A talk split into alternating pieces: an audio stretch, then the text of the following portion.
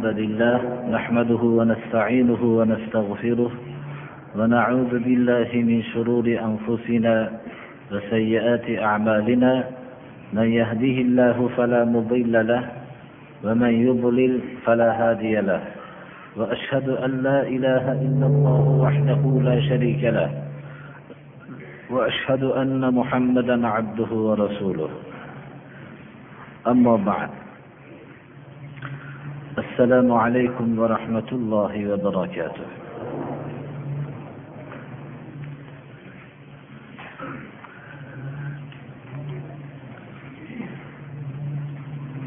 أهل jannat amallarining eng asosiysi mana avvalgi darslarimizda bayon qilayotganimizdek la ilaha illalloh kalimasiga shahodat berishlik.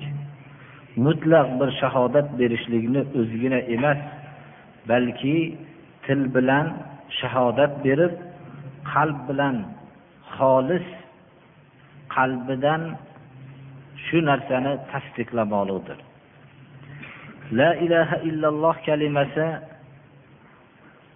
rasululloh sollallohu alayhi vasallam shu kalima bilan mabus bo'lganlarga o'xshagan o'tgan payg'ambarlar hammasi shu kalima bilan mabus bo'lishganlar. Ya'ni payg'ambar qilib jo'natilinishganlar. Risolatning bashariyat tarixidagi tub ma'nosi ham la ilaha illalloh kalimasining shahodatidir. Ya ayyuhannas qulu la ilaha illalloh deb hammalari o'zlarining ummatlariga shu kalimani aytdilar. Bu tavhid hamma haqlardan ustun turadigan alloh subhanahu va taoloning bandalar ustidagi haqqidir.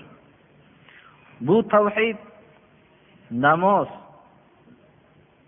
ro'za zakot bularning hammasidan ham avvalda turadigan farzdir.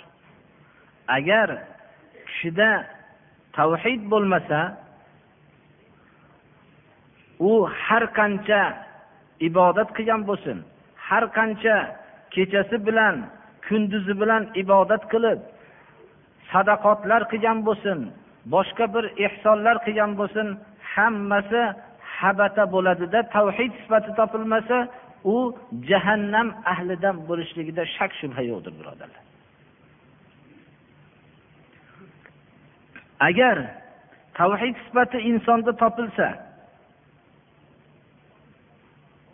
qiyomatga ollohni huzuriga tavhid bilan borsa u qat'an ahli jannatdandir agarchi tog'lar misolidagi gunoh bo'lsa ham. Mana hadislarning mazmuni shuni bizga ko'rsatadi. Lekin hamma odam o'zini ahli tavhid sanashligi mana bu musibatdir. Hatto ahli shirklar ham o'zini ahli tavhiddan deb sanaydi. Ibodat ma'nolarini biz avvalgi darslarimizda hammasida tushuntirdik. Tavhid rububiyat tavhidi xoliqiyat tavhidi roziqiyat tavhidi bu bitta tavhidning bir qismi bo'lsa ya'ni koinoti yerni ollohgina yaratgan koinoti yerni faqat olloh subhanahu va taolo boshqaradi koinoti yernida olloh subhanahu va taologina bandalarga va boshqa mavjudotlarga rizq beradi deb e'tiqod qilishlik bu rububiyat va roziqiyat va xoliqiyat sifatlarida ollohni yakka deb bilishlik. Bu tavhid bilan mo'min kishilar mushriklardan ajramaydi. Chunki mushriklar ham koinoti yerni yakka olloh yaratgan koinoti yerda ollohgina rizq beradi koinoti yerni ollohgina boshqaradi deyishgan. Hatto ular eshitish va ko'rish a'zolarini ollohgina yaratadi. Ollohgina o'ldiradi va ollohgina tiriltiradi deb ham e'tiqod qilishgan va allohga ibodat ham qilishgan mushriklar lekin shu ibodatlarda boshqa narsani sharik ham qilishgan. Mana shu sifat bilan mushrik bo'lishdi. Shu sifat ularda topilganligi uchun rasululloh sollallohu alayhi vasallam kelishmadilar va ularni la ilaha illalloh kalimasini aytmayotgan odamlar deb e'tibor qildilar.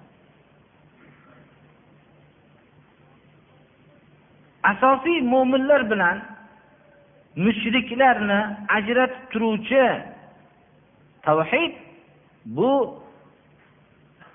alloh subhanahu va taologa ibodatni xoslash va xoslamaslikdadir. Agar ibodatni faqat alloh subhanahu va taoloning o'zigagina xoslansa bu kishilar ahli tavhidiki rasululloh sollallohu alayhi vasallam va o'tgan payg'ambarlar olib kelgan tavhid ahlidan bo'lishadi. Agar ibodatni ollohni o'zigagina qilishmasa ibodat ma'nolari mana ko'p ma'nolarni o'z ichiga oladi. Birinchi duo ibodat va ikkinchi ollohni yo'lida bir qul inna solati va nusuki sajda qilish ruku qilish bular hammasi ibodat. Va nusuki biror bir narsani qurbon qilib so'yishlik ibodat. Bu narsalar ollohni o'zigagina qilingan bo'lsa ibodat faqat alloh subhanahu va taoloning o'zigagina bo'lgan bo'ladi. Agar boshqa narsaga ham qilingan bo'lsa bu shirk bo'ladi. U narsa nima bo'lishligidan va kim bo'lishligidan qat'iy nazar masalan duoni biror bir mozorga yoki biror bir daraxtga yo biror bir tog'ga sig'inib shu yerdan madad so'rab shunday qilsa bu amal shirkdir birodarlar. Bizni diyorlarimizda va boshqa diyorlardagi musibat ham mana shu musibatdir. Va shirk ma'nosining yana asosiysi mana avvalgi darslarimizda to'xtamasdan shuni aytyapmiz. Alloh subhanahu va taolo bashariyatning hayoti uchun qur'on dusturini jo'natdi. Shu dusturga mabodo inson tarafidan o'ylab chiqilgan dusturni barobar deb e'tiqod qilishlik bu shirkdir birodarlar. Alloh subhanahu va taoloning qur'oni rasululloh sollallohu alayhi vasallamning izohlab bergan hadislari bu haqiqatda bu dustur lekin bu dusturga boshqalarning dusturi ham to'g'ri keladi barobar keladi deb e'tiqod qilsa bu shirkdir. Alloh subhanahu va taologa ibodatni qilib va boshqaga ham ibodat qilishlikdir. Shuning uchun takror aytamiz agar bir kishi tavhidni o'zida tavhidul iboda ya'ni ibodatni faqat alloh subhanahu va taoloning o'zigagina qilishlik sifatini topmasdan o'zini hayotida har qancha kechasi yig'lab ibodat qilgan bo'lsin shirk agar unda topiladigan bo'lsa uning ahli jahannam ekanligida shak shubha yo'qdir birodarlar. Shuning uchun biz hayotimizning hamma o'zi asosiy qurilishligi vujudga kelishlik alloh subhanahu va taoloning bizni yaratishligidan hamma maqsad o'zigagina ibodat qilishligimiz uchun yaratdi.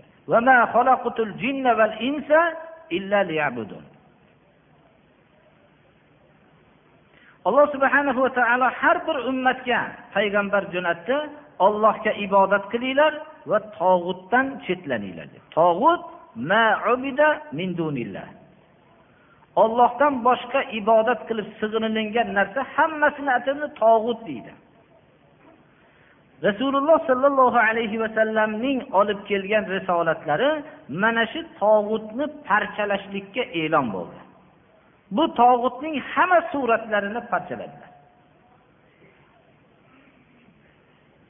Ya'ni odamlar o'zlarining hayotiga o'zlaricha bir manhaj yo'llar qurib olgan edi. Mana bu tog'utni parchaladilar. La ilaha illalloh kalimasi bilan. Odamlar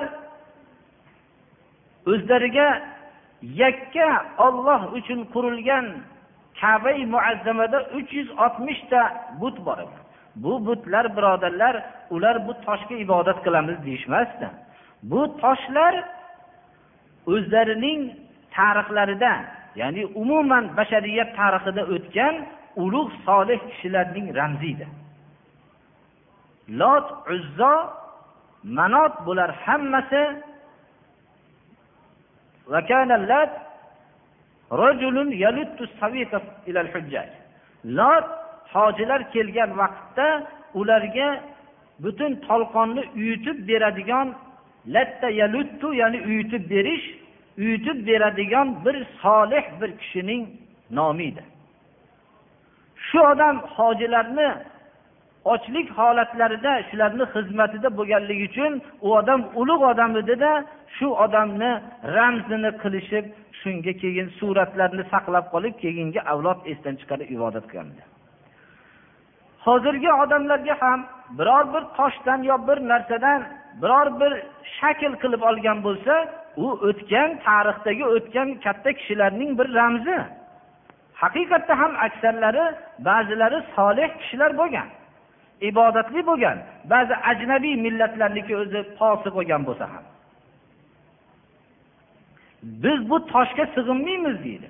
Ana shu kishilarni biz eslaymiz deydi. Mana shu eslashlik bilan o'ziga xos bir an'analar vujudga kelgan shu toshni atrofida o'ziga xos bir urf odatlar tashkil qilingan mana bu narsa asosiy shirkdir.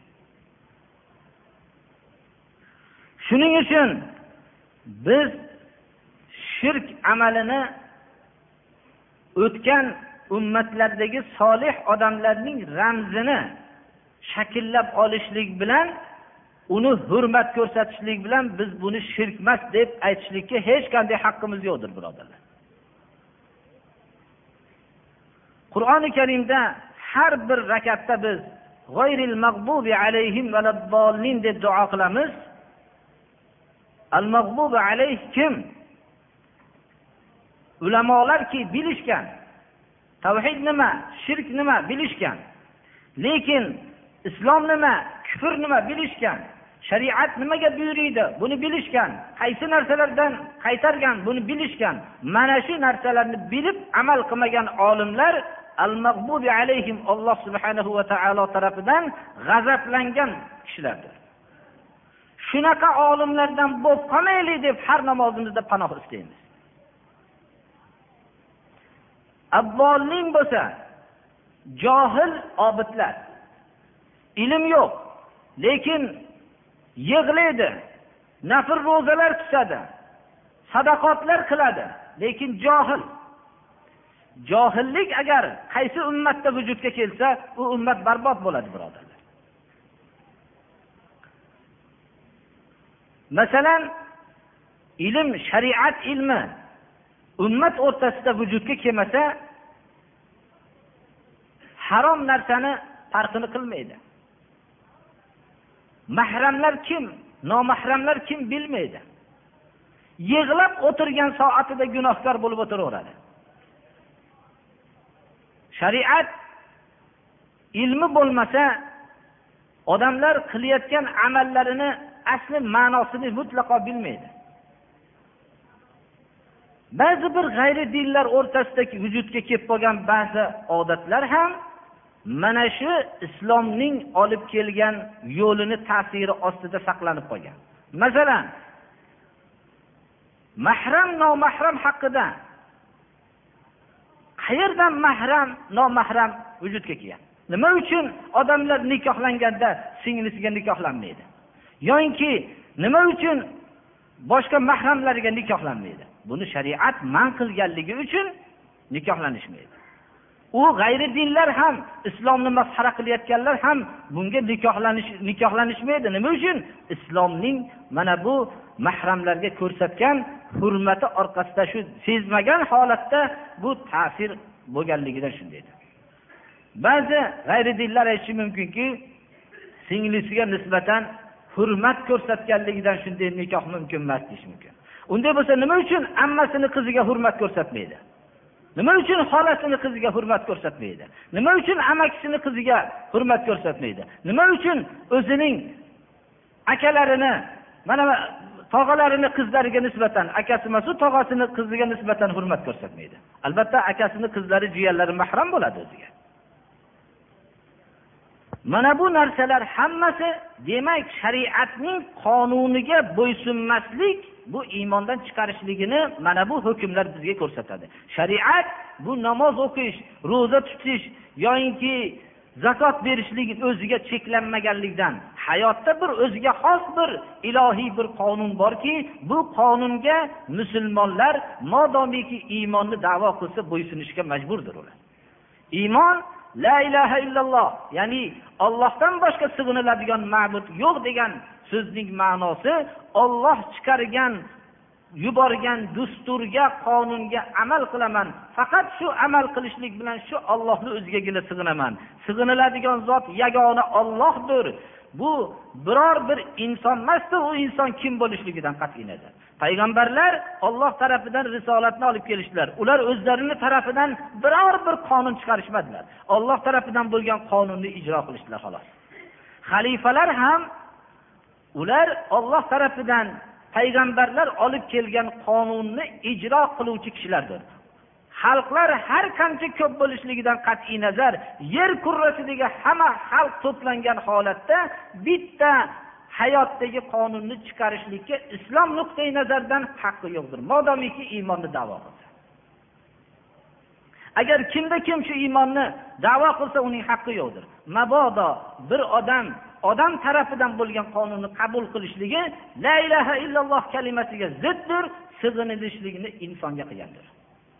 Shuning uchun biz la ilaha illalloh kalimasini qalbini xolis qalbidan aytishlik bilan jannatga kiradi. Agarchi tog' gunohlari bo'lsa ham يا adam آدم ataytani أتيتني ardi zunuban la tushriku bi shay'an la ataytuka بكراب ardi مغفرة ey inson farzandi agar meni huzurimga yer qobig'i to'la gunoh bilan kelsang menga hech bir narsani sharik qilmagan holatda men seni oldingga yer qobig'i to'la mag'firat bilan ro'baro bo'laman deydi. Ammo shirk bilan ro'baro bo'lsa alloh subhana va taologa olloh saqlasin hamma yo'g'i ko'rinishda biz odamlar istilohi bilan aytamiz islom istilohi bilan emas ibodat shakli bo'ladigan bo'lsa u mutlaqo ibodat emas islom istilohida odamlar aytgan istilohda ibodat bo'lsa ham shirk amali birga bo'lsa alloh subhana va taolo kechirmaydi. Uning ahli jahannam ekanligida shak shubha yo'qdir. Islomni shunday biz tushunmoqligimiz kerak. La ilaha illalloh kalimasini aytishligimiz qalbimizdan bo'lishligi mana bunday suratda bo'lishi kerak. Ibodatning boshqa ma'nolarini biz avvalgi darslarimizda aytganlik bilan cheklanamiz. Shu la ilaha illalloh bu urvatul vusqo mustahkam bir asosdir. Mustahkam halqadir la ilaha illalloh. Bu kalimatu taqvodir shu. La ilaha illalloh. Bu millati ibrohimdir. La ilaha illalloh. Alloh subhanahu va taolo qiyomatgacha bo'lgan bashariyatga mana shu kalimaga sodiq bo'lib qolishlikka buyurdi la ilaha illalloh kalimasi insonnigina emas balki inson va jinni shu kalimaga amal qilishlik uchun alloh subhanahu va taolo yaratdi. Shuning uchun biz vujudga keldik. Alloh subhanahu va taolo biror bizni yaratishlikda hojati yo'q edi. Biror bir dunyoda bir kam narsa yo'q ediki shuni bashariyat bir to'ldirib qo'yishlik uchun. Alloh subhanahu va taolo o'zining ma'bud barhaq ekanligini isbotlab mana bunga amal qilishlik la ilaha illalloh kalimasiga amal qilishlik uchun inson va jin toifasini yaratdi. Va bu ibodatning samarasiga alloh subhanahu va taolo jannatni va'da qildi. Bu ibodatdan bosh tortganlaringni jahannam bilan ularga jahannamni xabarini berdi.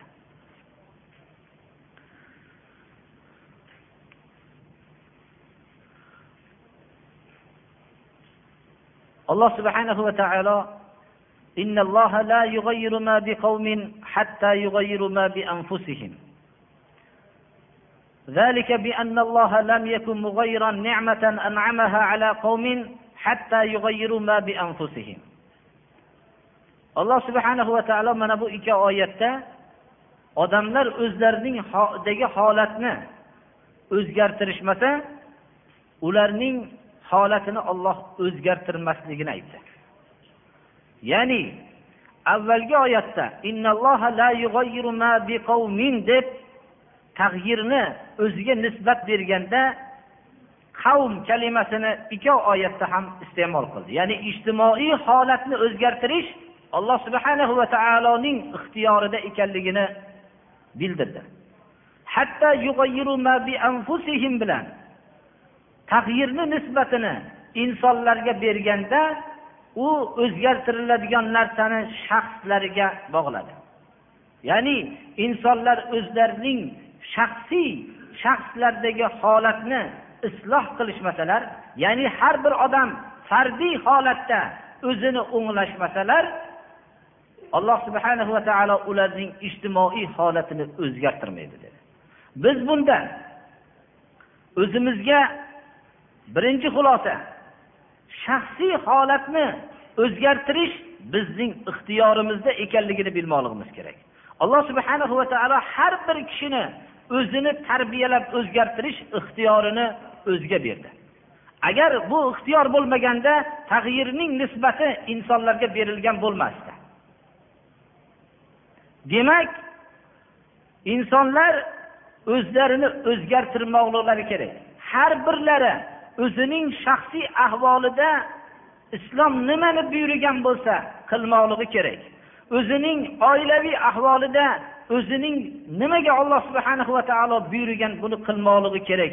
Agar shuni qilishsa alloh subhana va taolo shaxslardan tashkil topgan oilalardan tashkil topgan ijtimoiy holatni olloh subhana va taolo o'zgartiradi. Xulosaning ikkinchisi o'zimizning o'zgartirishlik birinchi xulosa o'zimizga alloh subhana va taolo ixtiyor bergan bo'lsa ijtimoiy holatni o'zgartirishlikda bizga ixtiyorni bermadi. Biz ijtimoiy holatda xalqlarning hammasini ulfat qilishlikni alloh subhana va taolo nisbatini bizga bermadi.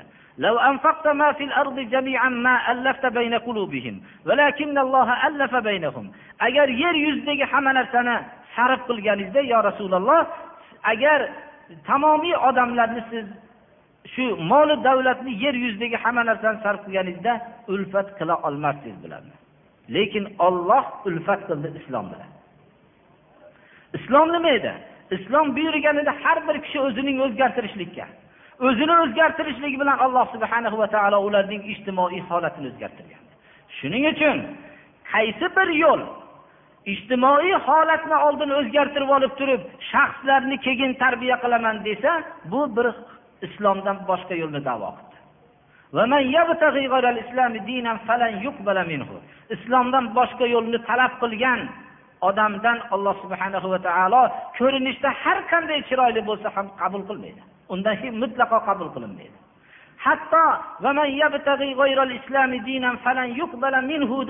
isnodini alloh subhanahu va taolo o'ziga nisbat berishlikdan ham tortindi ya'ni kim islomdan boshqa yo'lni qabul qilgan bo'lsa talab qilgan bo'lsa olloh qabul qilmaydi ham demadi. Alloh taolo uni qabul qilmaslik ro'barosiga ham kelmaydi. Undan mutlaqo qabul qilinmaydi. Uni olloh subhana va taolo qabul qilmaydi deyishlikka ham noloyiqdir mana bu narsani bilaylikki mutlaqo qabul qilinmaydi. U majhul suratda qolaveradi. Shuning uchun rasululloh sollallohu alayhi vasallamning yo'lini davo qilar ekanmiz. Biz shaxsiy holatni o'zgartirishlikka harakat qilmoqligimiz kerak. Misolini aytib o'tganimizdek yana shu yerda takrorlaymiz. Bir podshoh bir hovuzni sutdan bir hovuz qilmoqchi bo'lib aksar podshohlar taraf kasaliga giriftor bo'ladi. Ya'ni maishat kasaliga giriftor bo'ladi.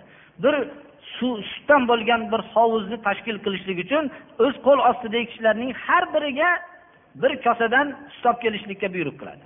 Bu sutni olib kelgan kelishlik uchun xalqlar kishilar o'ylaydiki bir kishi o'yladiki masalan men shuncha odamni ichida bir kosa suv olib borishligim hech qanday bir bu sutni suv aralashganligiga hech ham bilinmaydi dedida har bir odam shunday xayol bilan bir kosadan suv olib keldi. Ertaman podshoh qarasa suvdan bo'lgan hovuz vujudga kelib turibdi. Shaxsiy o'zini bizda ham shu fikr borki men meni o'nglanmasligim bu jamiyatga zarar qilmaydi. Agar bu odamlar o'nglanganda men shu vaqtda o'nglangan bo'lardim deb hamma shunday deb e'tiqod qiladi. Men o'zimni tarbiya qilishligim hech qanday bu jamiyatga ta'sir ko'rsatolmaydi deydida hammani qalbiga shu bo'lib hamma fasod jamiyat fasod bo'lib yuraveradi. Ana shuning uchun xuddi misoli shunga o'xshaydi. Islomiy jamiyatni alloh subhanahu va taolo ijtimoiy holatni o'zgartirishlikni shaxsiy holatlarini odamlar o'zgartirishligiga samara mukofot qilib berishligini va'da qilyapti. Shuning uchun ba'zi bir o'rtada bir suollar bo'lganligi sababli bizning o'zimizni shaxsiy holatlarimizni o'zgartirish haqidagi ba'zi bir darslarni aytgan bo'lsak ham ba'zi bir suollar bo'lganligi sababli shu savolga bir qisqacha bir javob qilib hozirgi darsimizni o'tkazamiz. Alloh subhanahu va taolo oilani juda bir mo'tabar narsa deb e'tibor qildi. Oila islomda eng alloh subhanahu va taoloning kalomida rasululloh sollallohu alayhi vasallamning hadisi muboraklarida juda katta e'tiborda turadigan kichkina bir mamlakatchadir. Bu oilaga qur'oni karimda ko'p oyatlar oila nizomini tartiblashlikka bag'ishlangan. Lekin moddiy falsafada oila islomga mutlaqo zid fikrdadir. Moddiy falsafa oila odamni fikrini faqat oilasi haqida o'ylaydigan qilib toraytirib qo'yadi deb oila qurishlikni xato deb e'lon qilgan. Lekin bu siz bilan biz ko'rib yashagan ozgina tarixdagi bu zohirdagi bularning o'zlarini istilohida aytilingan nikohlar nikohga qattiq turishgan albatta. Lekin nikoh emas o'zlarining istilohiy o'zlarini ma'lum bir qog'ozga bog'langan bog'lanishlari bu narsa vaqtincha deb e'tibor qilingan birodarlar. Bularning o'zi asli moddiy falsafa rahbarlarining fikri oila odamning fikrini toraytiradi degan oila qurishlik xato deb e'lon qilingan. Islom mutlaqo oilani aks holda eng mo'tabar bir yo'l deydi. Oila jamiyat binosining birinchi g'ishti hisoblanadi. Bu g'isht agar birinchi g'isht noto'g'ri qo'yilsa imorat har qancha baland bo'lsa ham keyin noto'g'riligicha qolaveradi. Shuning uchun oilaning o'ziga xos bir yo'llari bor. Turmush qurilgandan keyin turmush ikki tarafning muhabbati asosida quriladi. Lekin shunday bo'lishiga qaramasdan ikkovi tarafdan ba'zi vaqtlarda ajralish vujudga keladi. Turmush qurayotgan vaqtda bu niyat bo'lmaydi. Undagi farzand qoladi. Farzandni ota onadan alloh subhana va taolo o'zining mehribonligini ko'rsatadida mana bu oyatlar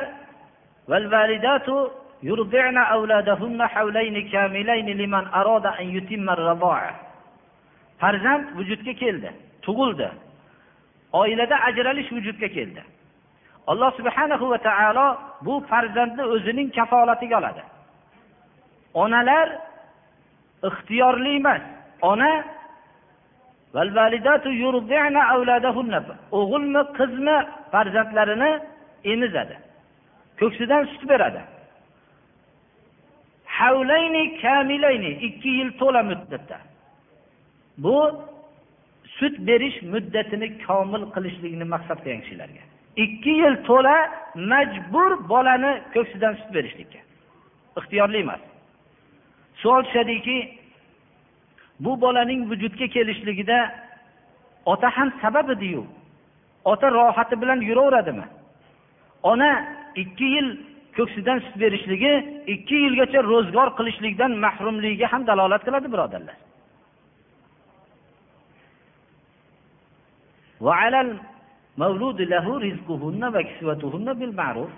Otaga ayollarni yedirish va kiydirishlikdir.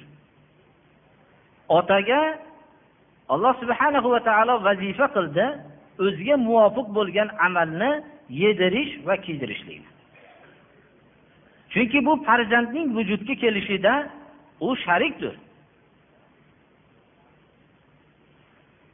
Lekin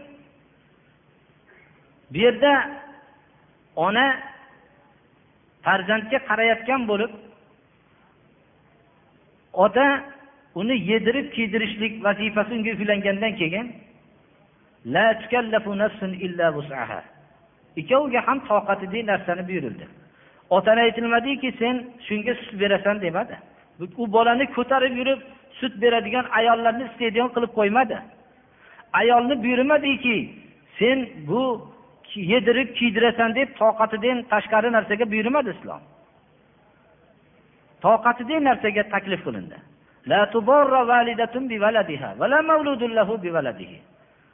Shu suratda ayollar bolaning otani mehridan foydalanib turib ko'p rizq ko'p kiyim kechak talab qilib otani zararlantirilmaydi. Onani ham zararlantirilmaydiki buni baribir qo'yib qo'ysam rizqlantirsam ham va kiydirsam ham kiydirmasam ham baribir bolasiga qaraydi degan fikr bilan onani ham zararlantirilmaydi. Qur'oni karim juda qisqa oyatlarda hamma shu oiladagi nizomni bayon qilib beryapti. Qonun birodarlar ittifoqlik vaqtida kelmaydi. Hech eshitganmisizki ikkita ittifoq oilani kelib bizni haqqimizni bir aytib bering bu meni haqqimni tortib olyapti deganini eshitganmisiz ittifoqlik muhabbat davom etayotganda biror odam qonunga hojat tushmaydi. Ittifoqlik bilan ketaveradi oila. Lekin qonun kelishmovchilik vujudga kelganda kerak bo'ladi.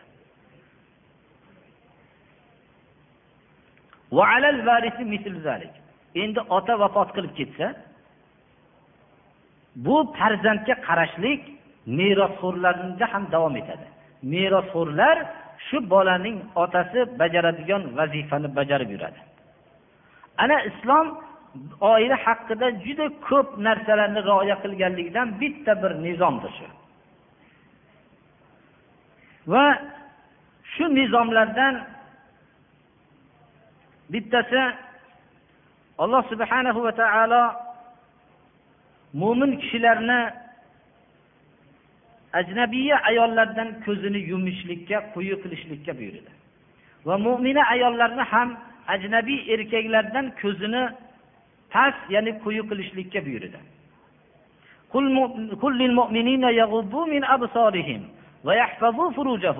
Mo'min kishilarga ayting ko'zlarini quyi qilishsin va avratlarini saqlasin. Bu narsa ular uchun manfaatli pokizaroq. Qalblarning toza bo'lishlikka bu pokizaroqdir.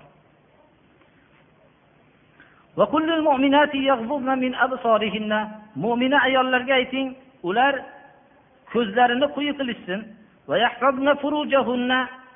Avratlarini saqlasin ziynatlarini oshkor bo'lganlari mustasno. Boshqa ziynatlarni bekitsin.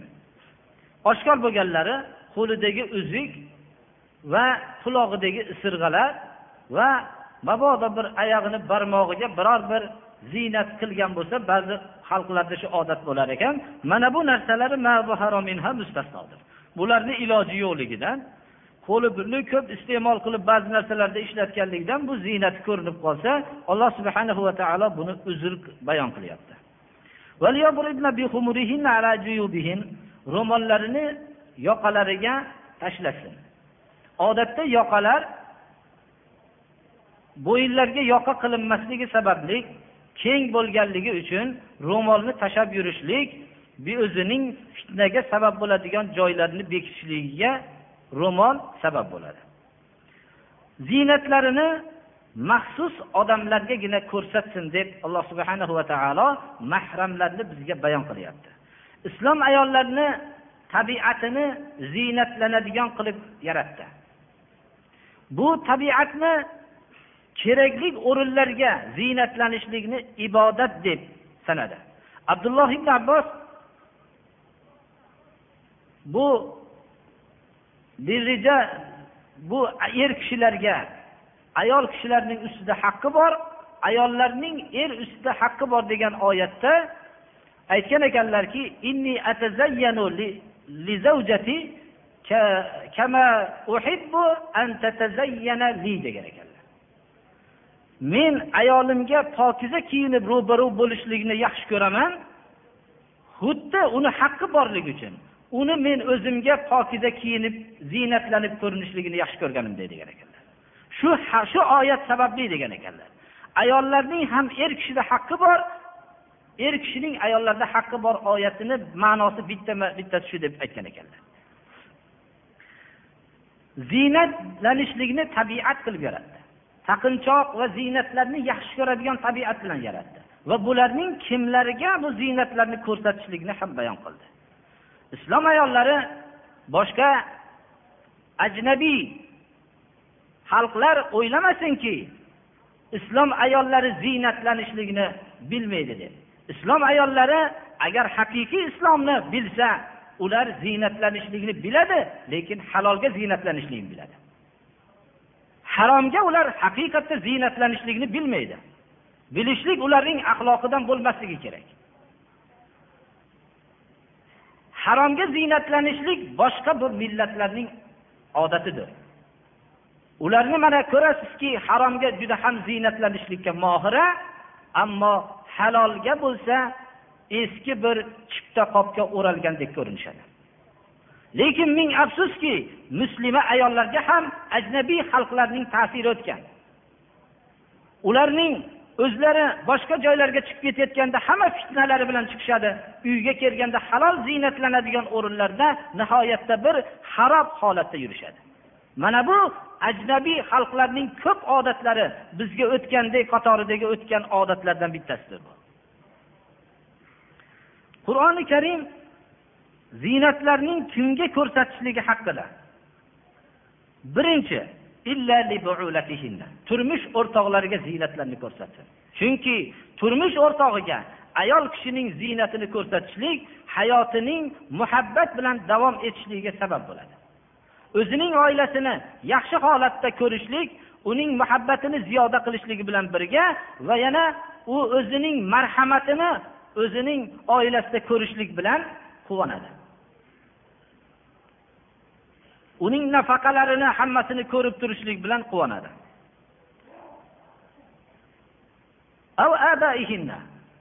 Ota onalariga ko'proq deydi biz albatta onasiga o'zining ziynati bilan ko'rinishlik bu ayol kishiga mutlaqo mumkin.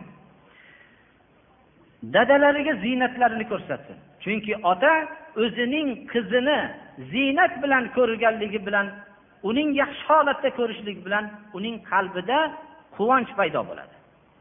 Shuning uchun alloh subhanahu va taolo mana bu quvonchni hayotning pokiza quvonchni davom etishligini xohlaydi.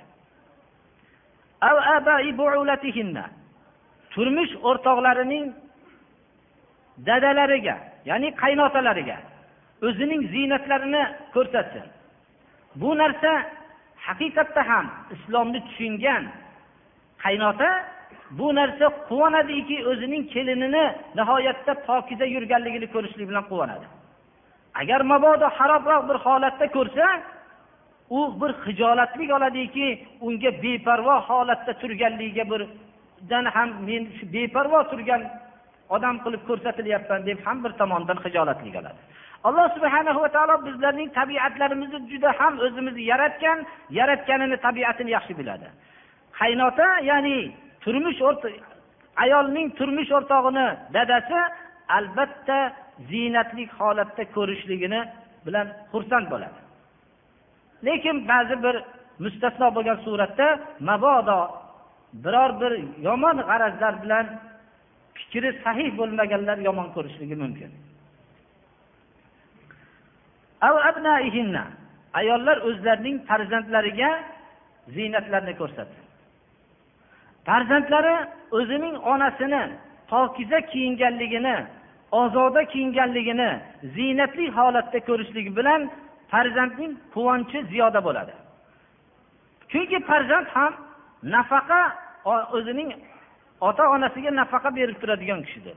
O'zining nafaqasini va onasining doim yaxshi holatda ko'rishligi bilan quvonch paydo bo'ladi. Yo turmush o'rtoqlarining farzandlari ya'ni o'gay o'g'illari. Bir kishining farzandlari bo'lsa oilasidan keyin uylangan bo'lsa u ayolga nisbatan bu farzandlar o'gay bola bo'lsa ayol kishi o'zining o'gay farzandlariga ziynatini ko'rsatishlik bu farzand xuddi o'zining farzandidek bu ham quvonch bildiradi. Demak ziynatlarni ko'rsatishlikka alloh subhanahu va taolo ruxsat berdi. Aka ukalariga aka uka albatta o'zining opasi yo singlisini yaxshi holatda ko'rishligi bilan quvonadi. Yoyinki aka ukalarining farzandlari amma bo'lgan holatdagi jiyanlari. Bularniga ziynatini ko'rsatishlik islom shariati buni ruxsat beradi. Jiyanlar o'zining ammalarini yaxshi holatda ko'rishligi bilan ularni qalbida hech qanday bir buzuq fikr paydo bo'lmaydi. Yo xola bo'lgan suratdagi jiyanlari. O'zining ayol kishi opa ukalarining farzandlariga ziynatlarini ko'rsatishlikka ruxsat berdi. Kalimasi hammamizni diqqatimizni o'ziga tortishligi kerakki mushrika kofira behayo ayollarga o'zining ziynatlarini ko'rsatishlikdan islom man qiladi birodarlar. O'zining ba'zi a'zolarini ayollar bu hayosiz mushrika kofira ayollar ko'rishligi bilan boshqalarga uni sifatlashligi bilan uning axloqan buzilishligiga ular bilan doim yurishlik axloqan buzilib qolishligiga sabab bo'ladi. Bu oyatning tafsirida ba'zi mufassirlar aytishganlarki faqat mushrika kofira ayollargina emas balki o'zini musulmonman deb davo qilgan fohisha ayollardan ham o'zini ziynatlarini bekitib chetga olishlikka ma'murdir deydi chunki ularning axloqsizliklari bularga o'tadi deyilgan birodarlar mana bu joyda أو ما ملكت أيمانهن أو التابعين غير أولي الإربة من الرجال أو الطفل الذين لم يظهروا على عورات النساء bu yerda bayon qilingan oyatlarda bittasi qo'l ostida xizmatkor bo'lib turgan. Agar ayol kishi sayyida bo'lsa uning qo'l ostida quli bo'lsa mana bulardan o'zini ziynatini bekitishlik haraj bo'ladida bulardan ziynatini bekitmaydi. Ya'ni o'zini ba'zi bir er kishilik xususiyati yo'q bo'lgan ya'ni erkaklik xususiyati yo'q bo'lgan ba'zi bir uylarda xizmat qilib yuradigan shunaqa kishilardan ham chetdaga olmaslikka islom ruxsat beradi. Undan tashqari go'dak bolalar ya'ni kamolot yoshiga yetmagan bolalardan ziynatlarini bekitmaslikka islom ruxsat beradi. Mana bu o'rinda bizning oilalarimizdagi bizga bir savollar bo'lganligi sababli shu oyatni biz bayon qilib beryapmiz. Javobni umumiy qilib kishilar bizning xalqimiz o'rtasida ayollar ayollarga nisbatan amaki tog'alari hammasi mahram birodarlar. Lekin kuyovining amakisi tog'alari va kuyovining aka ukalari va o'zining kuyovining jiyanlari bular hech qachon mahram emas birodarlar. Mana bu narsani bilib qo'ymoqligimiz kerak. Bularga ziynatlarni ko'rsatishlikdan man qilingan. Bular bu ziynatlarni ko'rsatmaslik ularga behurmatlik emas birodarlar. Bizni davrimizdagi ayol kishining erkak kishi kirgan vaqtda kutib olmasligi shu odamlarga nisbatan behurmatlik degan bir falsafada o'sib qolganligi uchun shu ta'sir ostida birodarlar mahallalar shu ayollarga mahram bo'lib ketavergan. Ha bu o'zimizni mahallani odamida deydi. Undan ham qizig'i shuki biror bir musulmon kishi kelayotgan bo'lsa o'zini chetga oladi. Ammo mushrika kofir mushrik yo kofir dinsiz ajnabiy odam kelayotsa bu kofir deydi. O'zi aslida ehtiyot bo'lishlik shu kofirdan ehtiyot bo'lish kerak. U gunohni bilmaydi birodarlar. Undan ham tashqari bizning biz dinni islomni o'zining yo'li deb tan olmaganlar bilan gaplashmaymiz. Islom bizni yo'limiz. Islomni nima buyursa qilaman degan kishilarga shu so'zimizni aytamiz. Ba'zi bir kishilar ta'lim beradi. Ko'p bolalarni ta'lim berib qur'on o'rgatadi va unga ba'zi darslardan beradi. Berishligi bilan oilasi ularga ummul mo'minin bo'lib qolaveradi birodarlar. Shu bilan hech haligi bolalar kamolotga yetganlari ham bemalol shu ustozini o'g'li bilan ayoli bilan gaplashib so'rashib shunday yuraveradi. Ummul mo'minin e bu onalarni manzilatida o'zlarini deydi. Hech qachon onam bo'lmaydi birodarlar u. Ming marta onasi onasi onasi desam onasi bo'lmaydi hech qachon.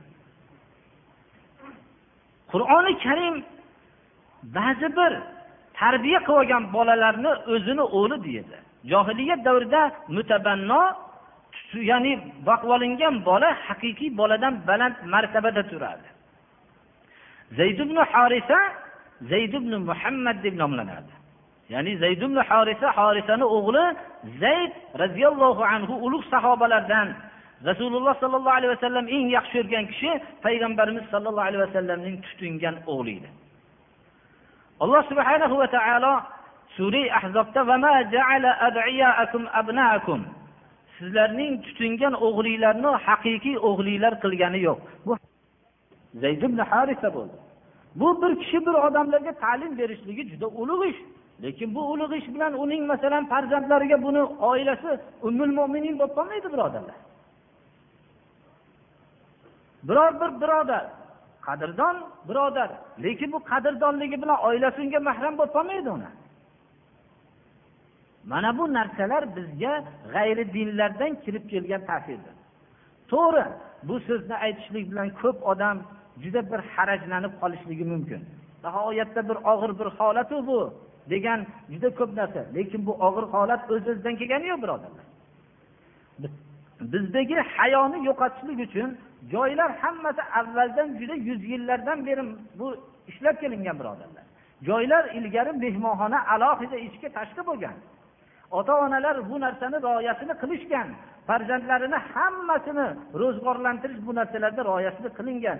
Lekin bu narsalar bizning majburiy bir holatiki iloji yo'q bo'ladigan holatlar qurilib qolgan.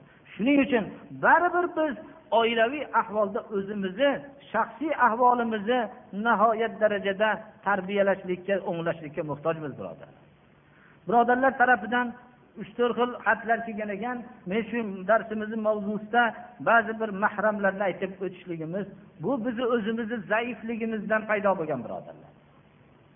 Mana islom diyorlariga borilsa hamma aka ukalar bir birlariga juda hurmatda baland lekin oilalar mana islom diyorlariga borilsa hamma aka ukalar bir birlariga juda hurmatda baland lekin oilalar alohida ular o'tirishadi.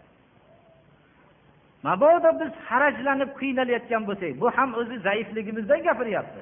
Shunaqa vaqtda uni istiqbol qilib kelish keling deb biror bir so'z aytishlikka mabodo javob savol javob qilishlikka parda orqasidan javob savol qilishlikka ruxsat bo'lsa ham hatto rasululloh sollallohu alayhi vasallamning azvoji mutahharotlarga sizlar ovozinglarni pardani orqasidan javob beringlar va buni boshqacha ovoz qilib gapirmanglar. O'zinglarni odatiy ovozinglar bilan javob qilinglar deydi. Bu ham savollarga javobki ba'zi bir kishilar so'rashadilarki uyda ayol kishi bo'lsa faqat erkak kishi tashqaridan chaqirsa nima javob qilishlik kerak? Deyilganda o'zining odatiy ovozini o'zgartirmasdan yo'qligini bildiruvchi kalima aytsa albatta islom ruxsat beradi. Biz bunday har xil bir moddiy falsafada dinsiz hayotda yashaganligimiz uchun bu narsadan bir qiynalib harajlanayotgan bo'lishimiz mumkin. Lekin baribir haqiqatni aytishimiz kerak islom dini bizga shuni yo'llaydi. Mahramlar kimligini mana biz bayon qildik birodarlar. Hammaga tushuntirilishi kerak ota onalarga sekin astalik bilan tushuntirish kerak. Bir islomning bir qulimiz. Islom nimani buyursa qilamiz. Islom qaytargan narsani biz qaytamiz. Lekin bu meni fikrim emas. Faqat alloh subhanahu va taoloning bizga bergan ta'limi demoqligimiz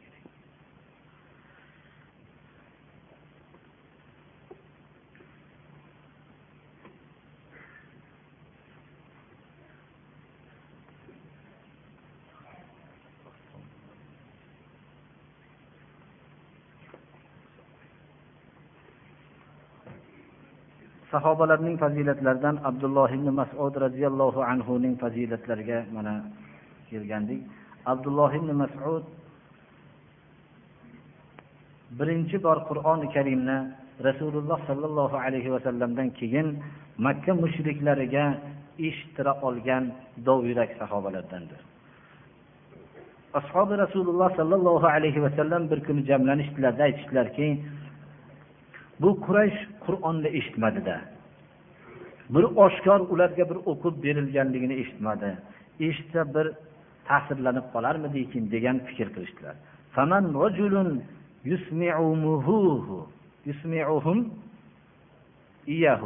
Qur'onni kim eshittirar ekan bularga? Deganlarda abdulloh ibn masud men eshittiraman dedilar. Biz qo'rqamiz sizdan sizni zaifsiz jismonan zaifsiz sizni urishadi. Deganlar bir qarindosh urug'lari ko'p bo'lgan kishini tanlamoqchi edik. U mabodo bir urushmoqchi zarar yetkazmoqchi bo'lsa himoya qiladigan qarindosh urug'lik bo'lsa. Deganlarda meni o'z holimga qo'yinglar alloh azza va jalla meni himoya qiladi dedi. Abdulloh ibn masud ertasiga bordilarda maqomi ibrohimni oldiga choshgoh vaqtida yetib keldilarda quraysh o'zlarining majlislarida kattalari o'tirishgan edi. Maqomi ibrohim oldida o'tirdilarda bismillahi rohmanir rohim deb baland ovoz bilan ar rohman allamal qur'an surasini boshlab o'qidilar. O'qib davom etdilar va o'rtada bir to'xtab taammalu bir fikrlanglar shu oyatlarni deb ularga xitob qilib qo'ydilar. Bular bu abdulloh ibn masud bu nima deyapti bizga? Deyishib muhammad olib kelgan narsani o'qiyapti hozir o'qiyotgan narsa shu muhammad olib kelgan narsa deyishdi. Hammalari turishib urusha boshlashdi. Bu kishi to hollari qurib qolguncha to'xtamadilar shu kaltayayotgan vaqtlarida. Keyin ashobi ikromlar oldiga qaytib keldilar yuzlari nihoyatda o'zgarib ketgan edi kaltaydi zarbasidan. Biz shundan qo'rquvdikda deganlarda aytgan ekanlarki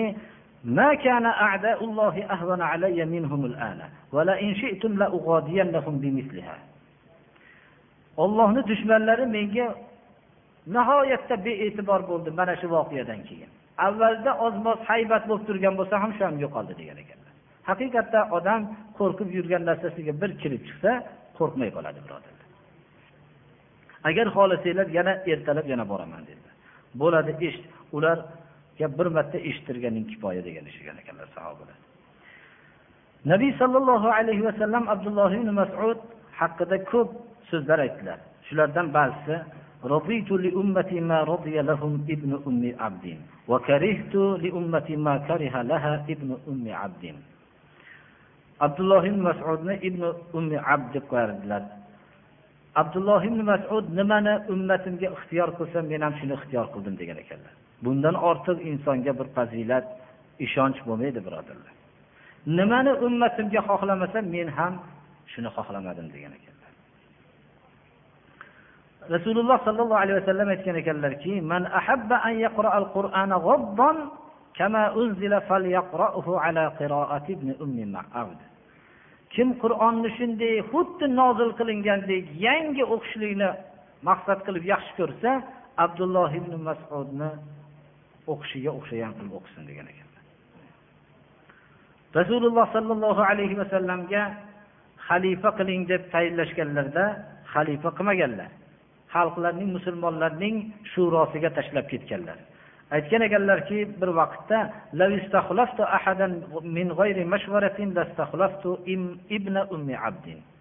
agar bemaslahat birovni xalifa qilmoqchi bo'lsam abdulloh ibn masudni xalifa qilaman degan ekanlar.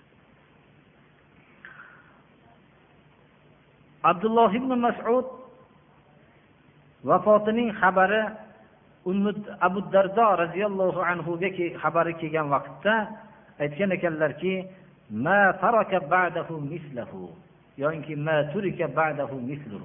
abdulloh ibn masuddan keyin abdulloh ibn masudga o'xshagan odam qolmadi degan ekanlar yamoniyga savol qilishdilarki shu abdulloh ibn masud odamlarning rasululloh sollallohu alayhi vasallamga eng axloqda hidoyat yo'lida ko'rsatishlikda eng yaqini kim deb aytib bering ey huzayfa deganlarda javob bergan shu kishidan biz olib shu kishiga quloq solib yursak deganlarda aytgan ekanlarki rasululloh sollallohu alayhi vasallamga bu eng bu sohada o'xshagan kishi abdulloh ibn masud degan ekanlar yamoniy yana ba'zi rivoyatlarda aytgan ekanlarki abdulloh ibn masudni rasululloh sollallohu alayhi vasallamga maslakda yurish turish hidoyat yo'llarida o'xshagan odamni ko'rmadim hatto uyini devori bekitguncha. Uyini ishiga kirganda o'xshaydimi o'xshamaydimi bilmayman degan ekanlar.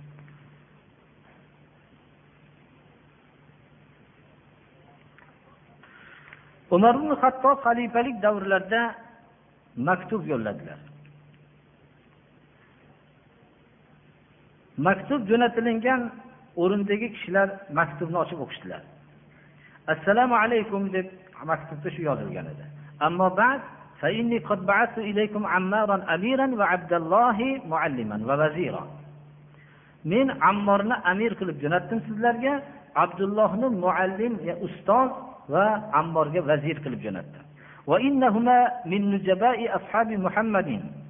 وممن شهد بدرا اسمعوا لهما وأطيعوا وقد آثرتكم بهما على نفسي muhammad alayhissalomning ashoblarini танланганлардан бадрда ҳозир бўлганлардан ikkovlariga қулоқ солинглар итоат қилинглар men bu ikkovlarini yonimdan jildirmasdim lekin o'zimdan ko'ra sizlarga isor qilib sizlarni afzal ko'rib jo'natdim o'sha dedilar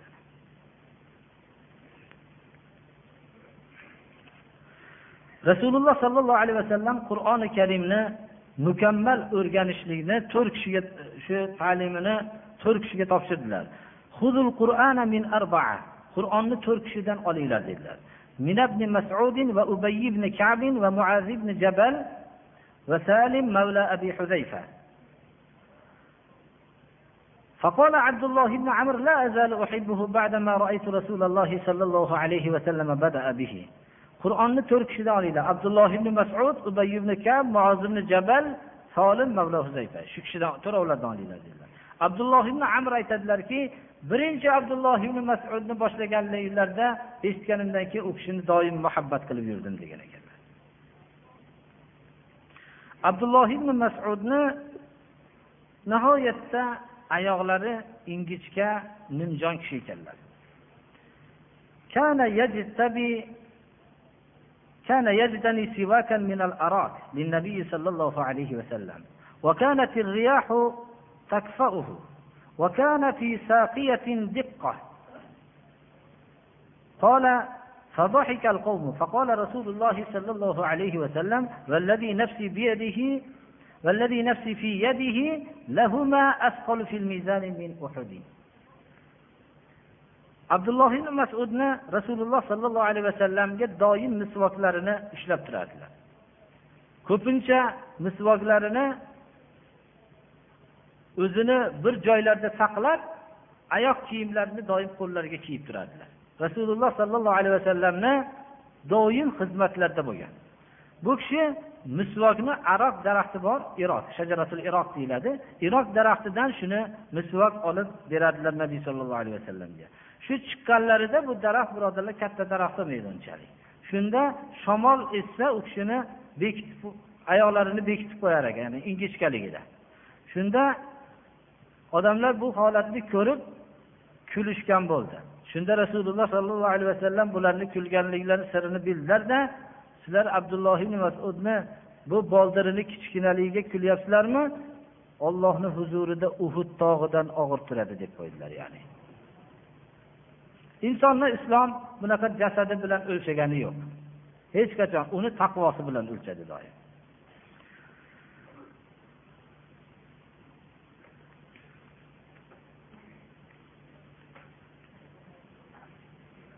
Shu qur'oni karimni ko'p suralarda lavhul mahfuz haqida aytilgan debdilar. Bu haqda surai burujni buni yozilgan maizani eshitilinsa shunda javob berganmiz.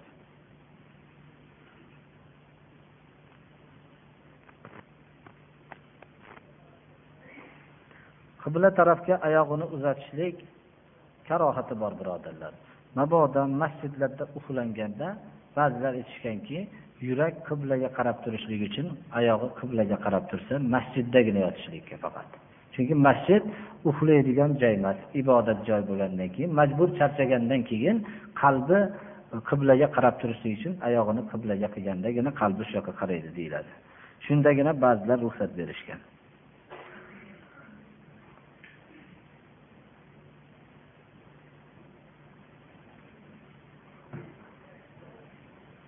Bu kishi bir odam savol qilibdiki musulmon odam zaif hadislarni bilmasdan birovga o'rgatib qo'ysa gunohkor bo'ladimi deb zaif hadis e, bilmagan narsasiga javob bermaydi lekin bilishligi kerak.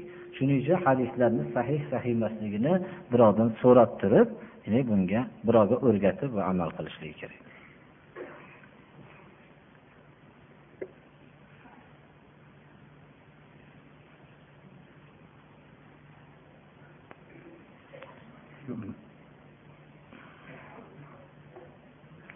Endi bu yerda bir odam so'rayaptiki uydagilar islomda bo'lmasa yoki islomda bo'lmagan odamlarga masalan boshliqqa islom yo'lida masjidga yoki da'vatga ruxsat bermaydigan bo'lsa dunyoviy ishga deb yolg'on gapirib ketsa bo'ladimi endi. Islomda o'zi bo'lmasa u sizga namoz o'qishlikka ham ruxsat bermaydi ro'za tutishlikka ham ruxsat bermaydi. Biz namoz o'qishlikka ota onadan ruxsat so'rab turib o'qishlikka ma'mur emasmizda. Olloh bizni buyurgan. Islomda bo'lmagan kishini biz buyrug'iga itoat qilmaymiz. Shuni bilishimiz kerak. Ota ona masalan islomda bo'lmasa masalan mast qiluvchi ichimlikni olib kelib ber deydi. Nima deydi? Bir chekadigan narsani olib kelib ber deydi. Hadeb namoz o'qiyverasanmi deydi. Mana bu narsalarda shu biz u narsada bu mutlaqo islomda bo'lmagan odamga biz ota onaniga muruvvat qilishlikka buyurdi alloh taolo. Ota onaga yaxshilik qilishlikka buyurdi. Dunyoviy muruvvat qila olamiz. Kim bo'lishligidan qat'iy nazar?